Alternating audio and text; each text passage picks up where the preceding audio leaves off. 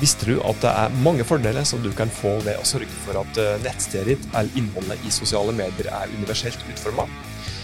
Vet du det at det faktisk er noen nye krav til universell utforming som eh, er på plass i februar 2023? Og hva er egentlig konsekvensen med å bryte regelverket, og hvem er det egentlig som må følge regelverket per i dag? Alt dette her og mer til skal du få svar på i dagens episode av Hauspodden før du trykker på stopp og flytter over til en helt annen podkast fordi du syns at eh, universell utforming er et ordentlig kjedelig uttrykk som du ikke orker å forholde deg til, eller ikke tror du trenger å forholde deg til, så må jeg si deg at det er kjempemange fordeler med å fokusere på universell utforming og passe på at innholdet ditt i digitale kanaler først og fremst eh, er universelt utforma. Kollega Hege, du har nerda lenge rundt dette her med universell utforming. og Aller først så må vi kanskje si litt om hva universell utforming egentlig er for noe? Ja, det kan jo være lurt. Eh, man snakker jo om det som om eh, det er kjent for alle, men det er det jo ikke. Men eh, universell utforming det betyr egentlig i praksis at det du nettopp sa, at løsningen du lager, den digitale løsningen du lager, enten det er en app eller nettside eller en digital presentasjon, skal være tilgjengelig for alle, uavhengig av funksjonsnedsettelse. Eh, sånn at eh, du sikrer deg at eh, løsningen du lager er ja, tilgjengelig for alle og forståelig for alle. Kort og godt, hvis det var forståelig. Ja, det tror jeg det er. Og så er greia her med universell utforming at dette her er jo dette her er jo ikke noe nytt som har kommet akkurat nå. og Nå vet du ikke jeg når du som lytter på denne podkasten her egentlig hører på. Det kan jo være langt inn i framtida for alt jeg vet. Eh, men å spille inn denne episoden her i eh, midten av desember 2022, eh, rett før det skal innføres noen nye krav og litt slik, som vi kan touche innom senere. Men, men de lovpålagte kravene til universell utforming av f.eks. nettstedet ditt, det har jo vært med oss ganske lenge nå. Det har jeg pratet om flere år. Men før oss kanskje prater litt om hva dette egentlig innebærer, så er det noen helt åpenbare fordeler med følgekravet. Ja, det er det. Eh, det er jo igjen det der at når du lager en løsning som er universell utformet, så sikrer du at eh, den er tilgjengelig for alle. Eh, jeg vet ikke, kanskje det kan være lurt å komme med noen eksempler på, på hva eksempelvis universell utforming er. Det er jo én ting, det med at språkbruket skal være forståelig, og teksten skal være riktig oppbygd. Det er jo et krav allerede i dag. Og det med at bilder eh, de skal ha det som heter alternativ tekst, eh, som er det at det beskriver bildets motiv. Eh, og krav som også er i dag, det med at du alltid skal gi brukeren mulighet for å stoppe eller pause lyden på en video. Det er jo mange videoer der ute i dag hvor ikke det er mulig, og det skal man jo gjøre.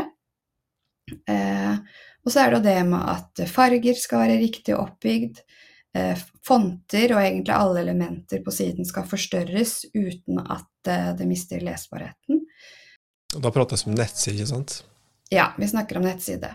Eh, så det er jo igjen Alle disse tingene på universell utforming gjør jo igjen det at det er jo positivt uavhengig av funksjonsnedsettelse, også om du er frisk. Fordi et godt eksempel da på hvis at det er en med ADHD f.eks., eller lese- og skrivevansker, så gjør jo det at eh, teksten eh, den er mer forståelig. Og at eh, sitter du på bussen og hører på en video, eller ser på en video i sosiale medier, det at videoen er da tekstet, gjør at du får med deg innholdet uten å måtte høre på lyd. da. Og Det er det som er kjerna her. altså Du prater om ADHD, folk med synshemminger f.eks. Og dette her som er greia i universell utforming, da, det er at viktige funksjoner, innholdet ditt, det skal være tilgjengelig, mulig å gjennomføre for alle brukere uansett funksjonsnivå.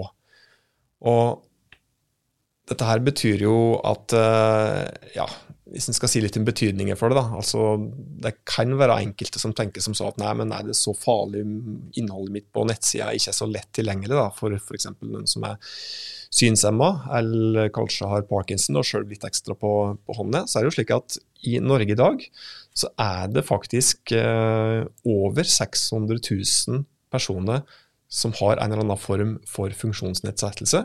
Og hvis du ikke har universelt utforma løsninger, som f.eks. nettsida di, som f.eks. en video du publiserer på Insta, så sier du egentlig nei takk. Eh, de 600, drøyt 600 000 eh, potensielle kundene der, de har ikke lyst på. Så du ekskluderer ei ganske stor kundegruppe, faktisk. Mm, ja, du gjør det. Så det er jo Alle vil jo treffe flest mulig, så det er jo derfor det også er viktig å, å, å følge universell utforming.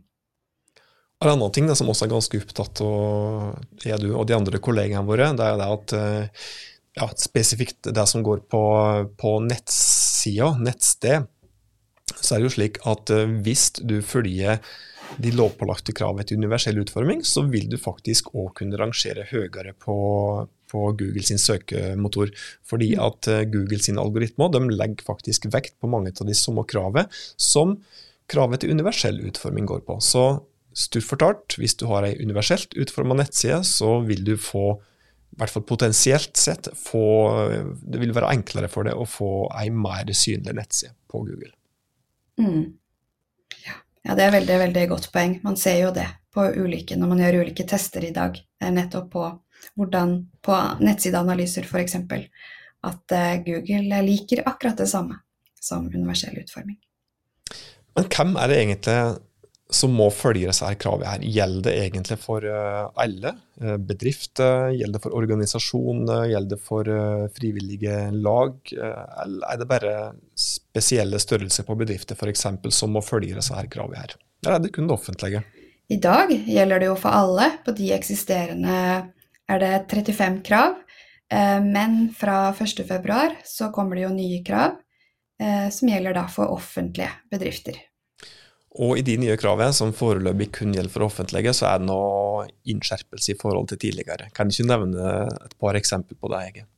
Jo, eh, det er jo da eh, Hva ble, ble det? Tolv nye krav fra 1.2, og det er jo eh, litt flere rundt nettopp mobil og mobiltilpasninger, og det med at flere krav i forhold til når du har berøringsskjerm. Eh, og så er det også flere krav på intranett og ekstranett. Og så eh, er det også det med et av kravene, et av de store kravene, er at eh, offentlige bedrifter er pålagt å fylle ut en tilgjengelighetserklæring, som er da en type liste hvor du må skrive under på at nettsiden din er innenfor alle disse kravene, at du har fulgt alle kravene, da. Eh, så det er en fin lita sjekkliste man må gjennom som en offentlig bedrift. da. Og det er ikke sjekklister du bare skal fylle ut og krysse av. I forkant av det så må du vel kanskje gjennomføre reelle tester, punkt etter punkt.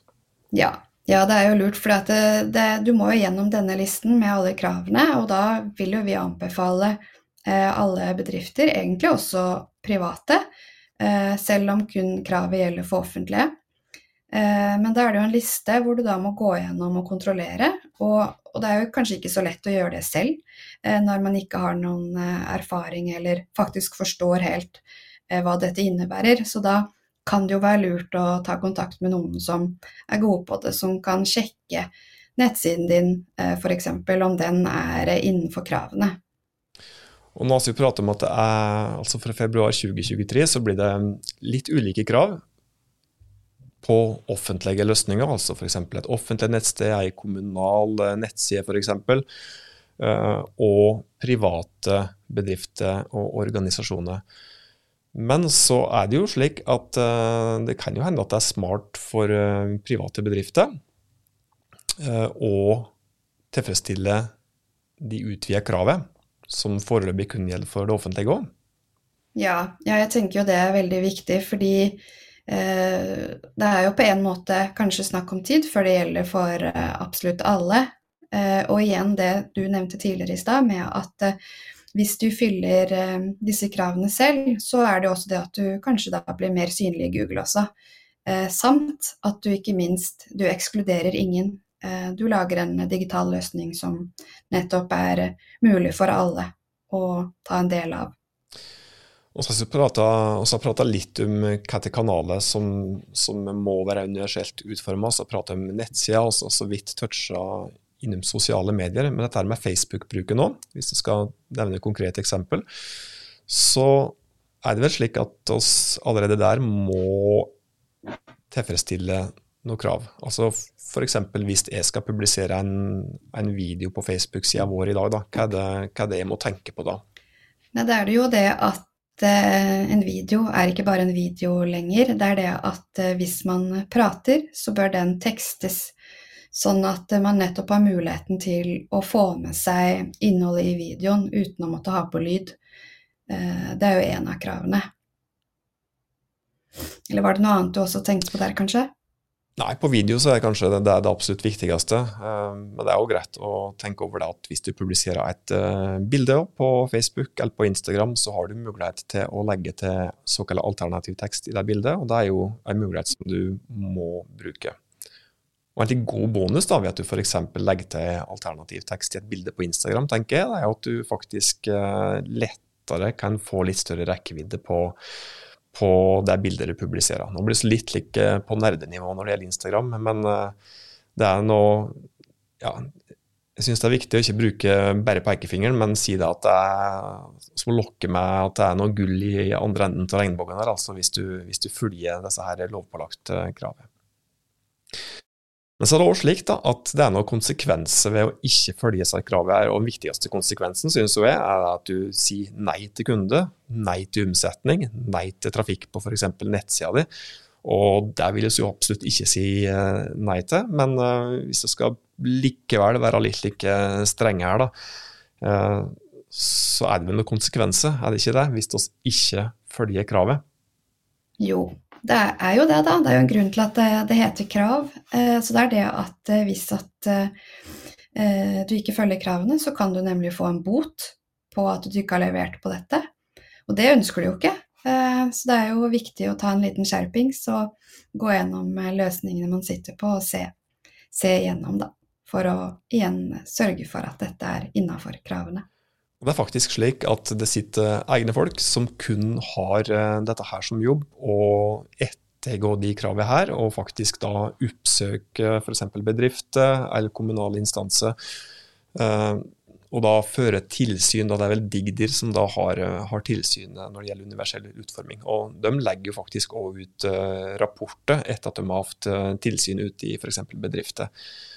Og som regel da så vanker det en liten eh, advarsel og ei frist eh, på når du som bedrift må, må sørge for å få retta opp i ting. Og hvis du da ikke holder den fristen din, så er det da dagbøter, som du Hegge sier, ute og går. Ja, det er jo flere dette gjelder for allerede, som har fått en bot, så vi vet jo at det er reelt. Mm. Hvis du skal si noen, eksempel, eh, noen flere eksempel på ja, hvordan du kan ha universelt utforma innhold, da, så toucha innom eh, video i sosiale medier, eller video generelt sett. Eh, du sa litt om alternativ tekst i bildet på f.eks. nettsida. Du har prata om språk og oppbygging av innholdet ditt.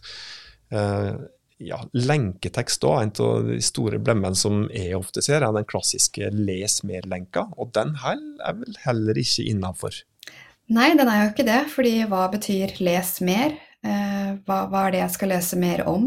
Eh, det er viktig at eh, lenka skal si eh, eh, nettopp det. Hva, hva, er det du kommer til når du klikker på denne lenka? Og den feilen er gjentagende eh, veldig mange plasser.